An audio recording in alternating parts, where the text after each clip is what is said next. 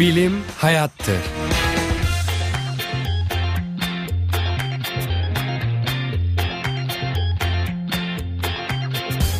Efendim hepinize merhaba. Hayatın içindeki bilimi anlamak, bilimi hayatın içinde yorumlamak üzere Türkiye Radyo Televizyon Kurumu ve Orta Doğu Teknik Üniversitesi işbirliğiyle hazırlanan Bilim Hayattır programında sizlerle birlikteyiz.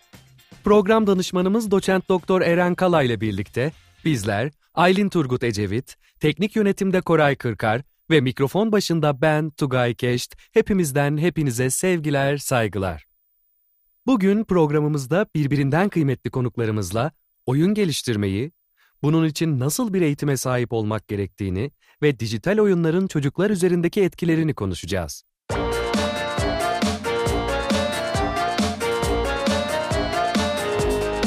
Bizlere ulaşmak isterseniz elektronik posta adresimiz bilimhayattir.trt.net.tr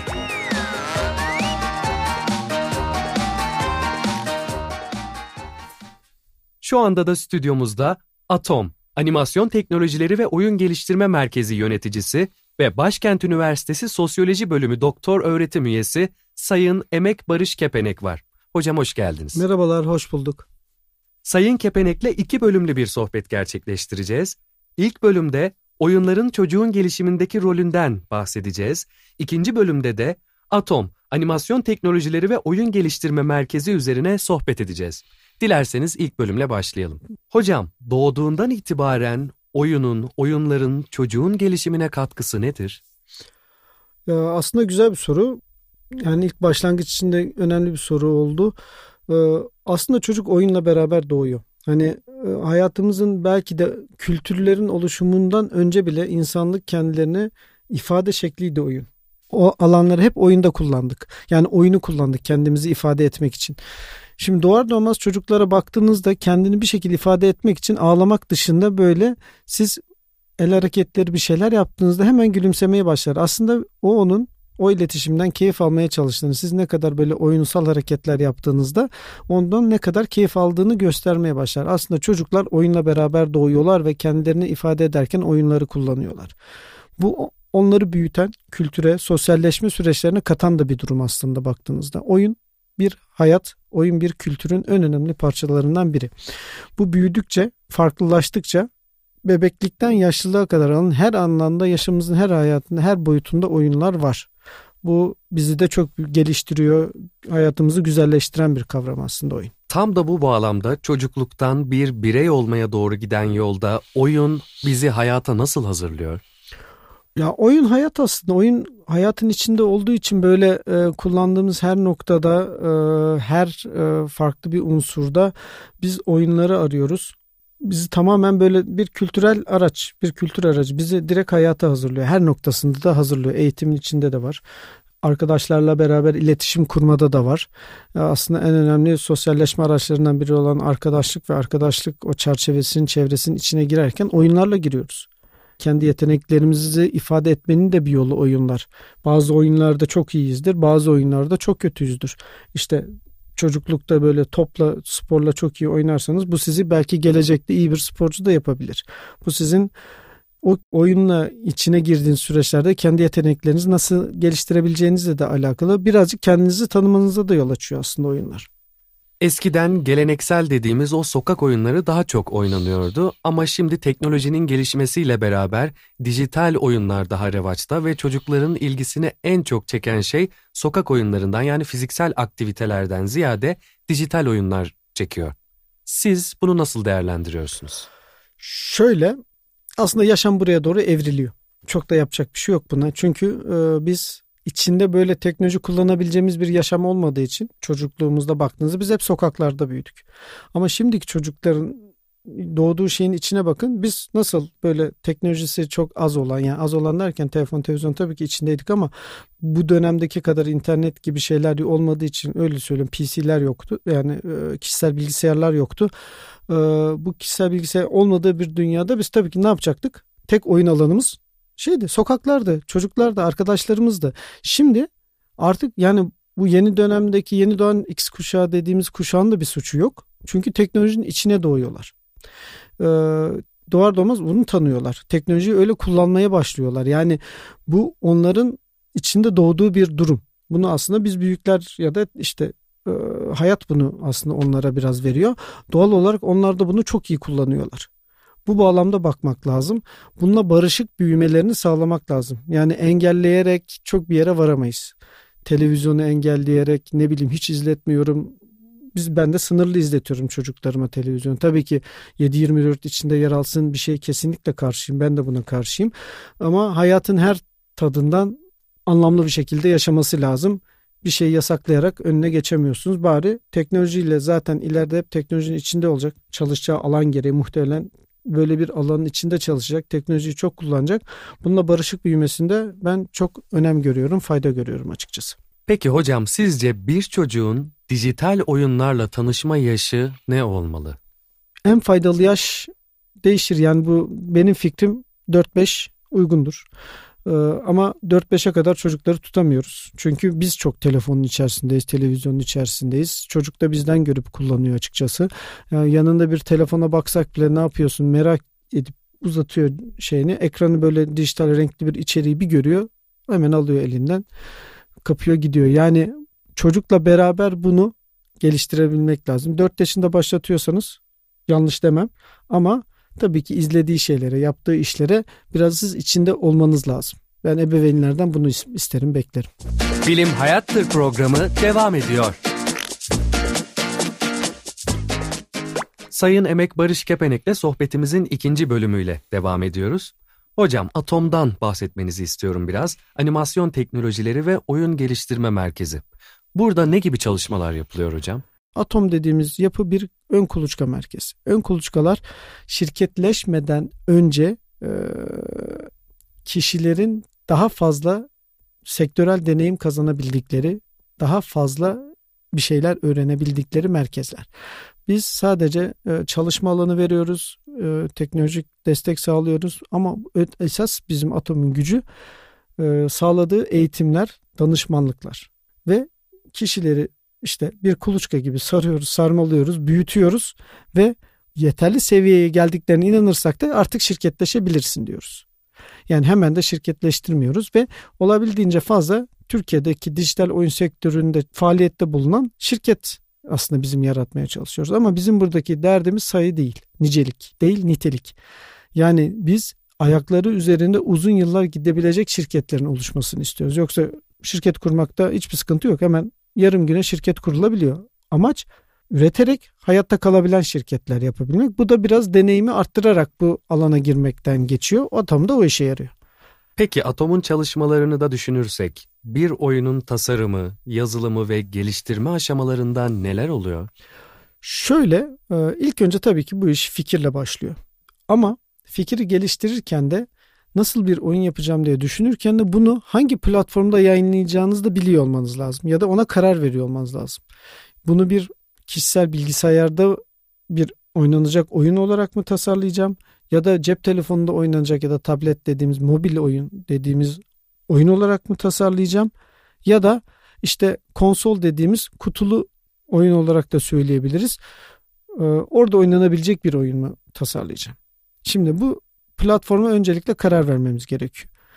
Fikrin yanında platforma karar vereceğiz ve bunları biz artık daha sonra e, bunlara karar verirken tabii ki bir tasarım dokümanı hazırlıyorsunuz.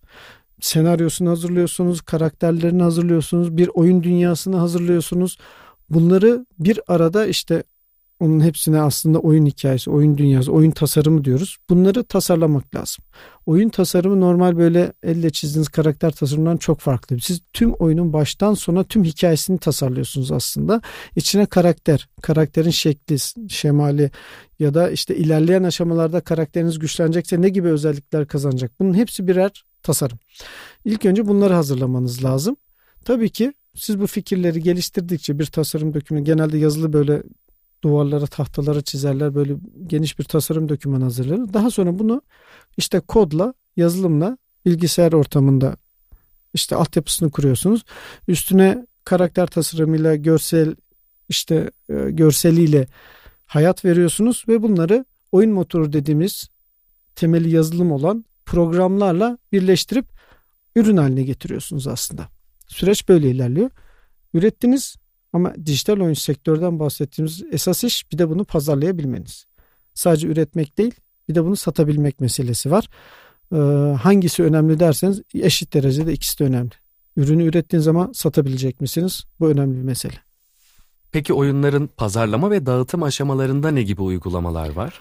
Ee, şöyle aslında artık teknoloji ve internet dünyası içerisinde neredeyse böyle fiziksel oyun satışları yok denecek kadar az. Çok rahat bir şekilde internetinizin olduğu her ortamda işte sanal pazarlara girerek oyunlarınızı indirip işte bilgisayarınızda, mobil araçlarınızda bu oyunları çok rahat oynayabiliyorsunuz.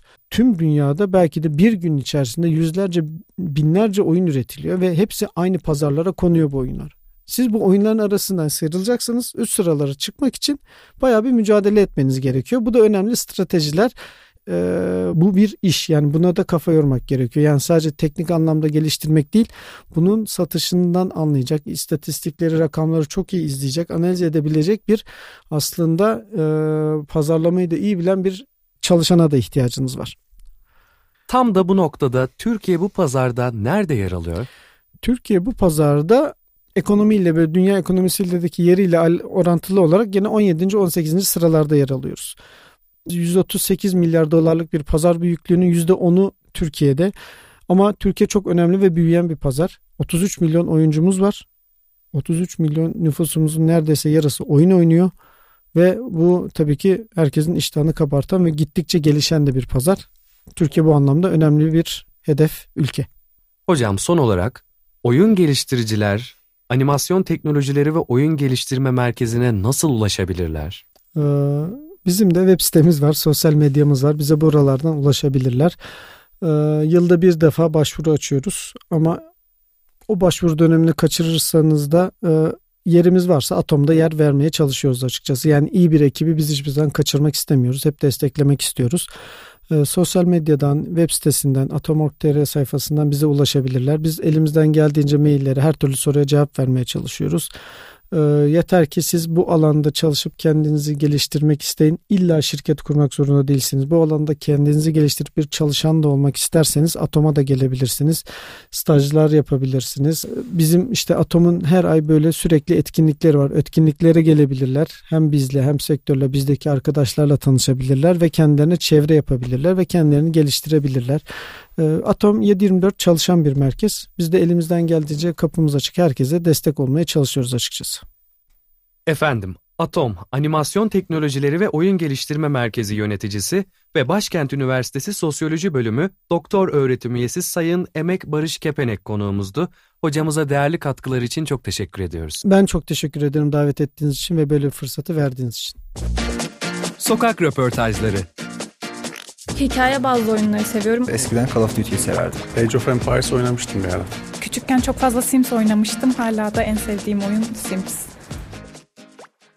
Şimdi de stüdyomuzda Atom, Animasyon Teknolojileri ve Oyun Geliştirme Merkezi geliştiricilerinden yazılımcı ve oyun tasarımcısı Sayın Çağrı Özden var. Sayın Özden hoş geldiniz. Hoş bulduk. Sayın Özden, oyun geliştirmek için nasıl bir eğitim almak gerekiyor? Oyun geliştirme süreci aslında birçok farklı disiplinin içinde rol aldığı e, geniş bir disiplinler arası bir alan. Dolayısıyla öncelikle kendi disiplininizin eğitimini almış olmanız gerekiyor bence. Örneğin bir mühendisten e, yazılım bilgisi bekliyoruz. İyi bir mühendis her türlü e, kendini oyunda geliştirebilir. O yüzden öncelikle mühendislik eğitimi almalı ya da ne bileyim bir tasarımcı iki boyutlu, üç boyutlu tasarım yapan birisi öncelikle kendi işinin tekniklerini öğrenmeli ya da müzisyen için de aynı şey geçerli. Sonra bunlar e, bir araya gelip bir takım çalışması tecrübesi edinmeleri gerekiyor. Çünkü sürekli etkileşim halindesiniz. Örneğin bir sanatçının mühendisin kafasında neler döndüğünü anlaması lazım ya da e, mühendisin sanatçının ne demek istediğini anlaması lazım. E, dolayısıyla öncelikle teknik eğitim, sonra da grup çalışması ve oyun nasıl yapılır üzerine pratik eğitim bence yeterli olacaktır diye düşünüyorum. Peki oyun tasarımı dediğimiz zaman bizim ne anlamamız gerekiyor ve oyun tasarımı ya da oyun yazılımı hangi alanları içinde barındırıyor? Oyun tasarımı aslında e, bir filmde yönetmenin yaptığı şeyi yapıyor. oyun tasarımı teknik olarak bunu yapıyor. Elinizin altında mühendisler var, görsel tasarımcılar var, hikaye yazarları var, ses sanatçıları var. Onlardan bir bütün oluşturmaya çalışıyorsunuz. Bunların hepsinin e, bütün bir şekilde güzel görünmesini sağlamaya çalışıyorsunuz.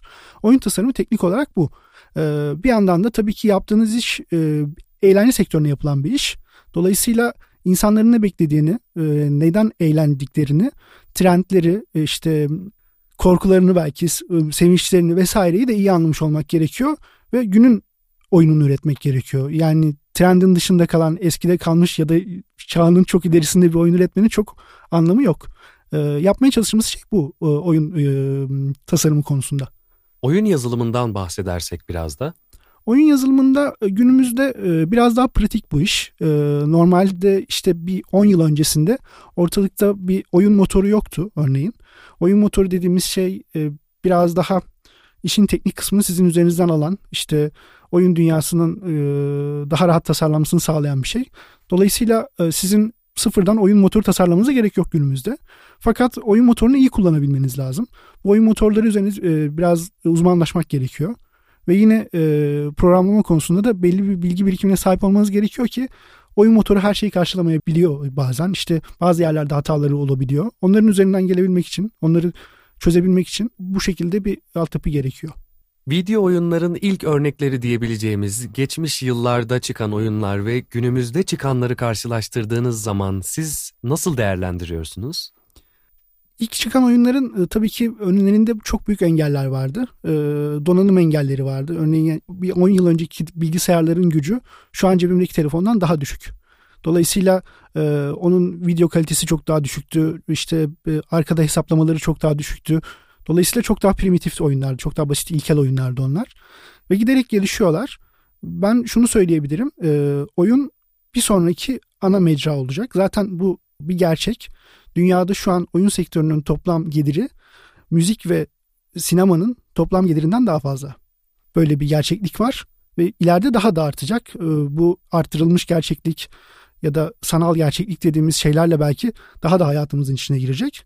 Ee, telefonlarla zaten şu an her anımızda ve bu giderek artacak. Daha kaliteli, daha gelişmiş, daha kompleks, hayatımıza daha fazla dokunan oyunlar yapacağız e, diye düşünüyorum.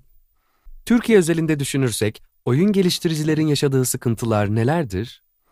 Oyun geliştiricinin temel sıkıntısı bence ekibini bulamamak ya da projeyi devam ettirememek oluyor başlangıç aşamasında. Çünkü henüz çok tecrübesiz oluyorsunuz ve oyun aslında sadece yetenek işi değil.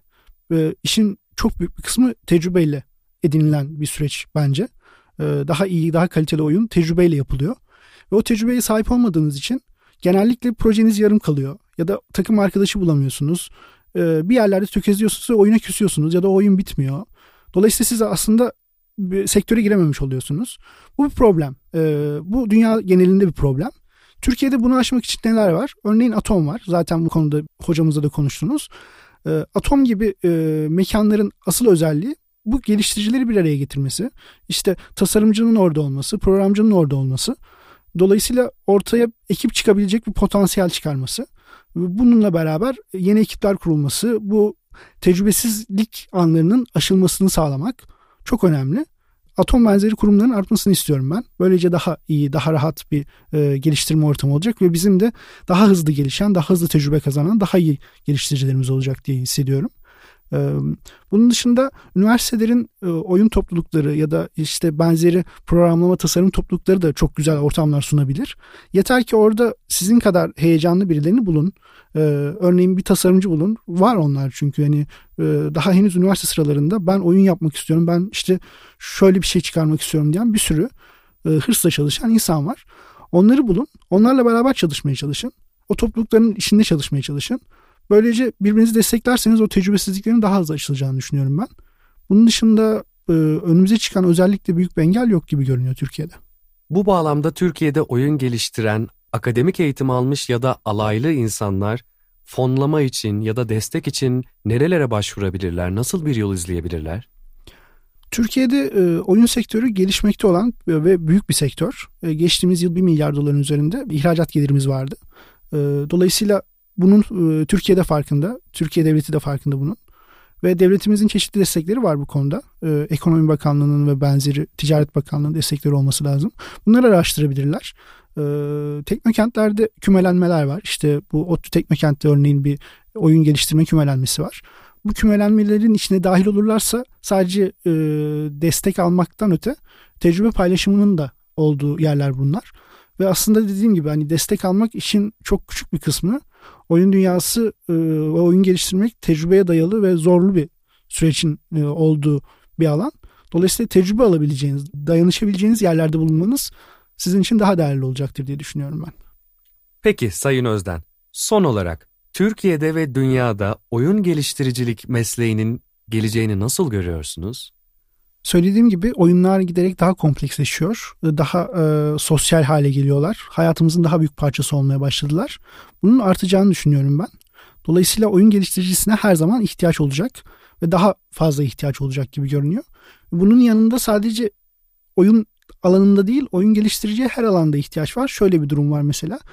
En basit sosyal medya uygulamasında bile bir oyunlaştırma var. Arkadaşlarınızın sizi ne kadar beğendiği, gönderilerinizin ne kadar paylaşıldığı, aslında küçük bir level sistemi gibi. Hani level atlıyorsunuz. 3 beğenildiniz, 5 beğenildiniz. Daha çok takipçiniz var. Ya bunların hepsi oyunlaştırma aslında bir noktada. Ve oyun geliştirici ya da oyun tasarlayıcı dememiz gerekiyor bu noktada. Oyun tasarımcısı buralarda e, faydalı olabilir. Buralarda fark yaratabilir. Günümüzde bütün uygulamalarda, bütün her yerde karşımıza çıkıyor çünkü oyunlaştırma. Dolayısıyla iyi oyun tasarımcısı olabiliyorsanız eğer değerli bir çalışansınız, değerli bir iş gücüsünüz bizim için, sektör içinde.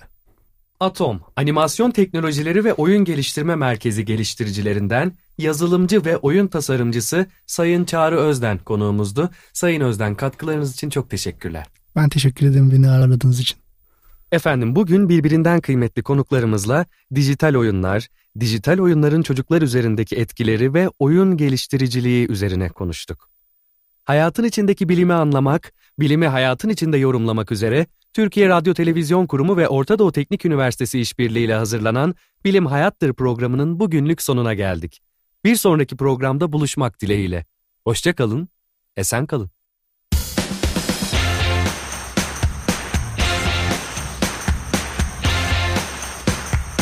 Bilim hayattır.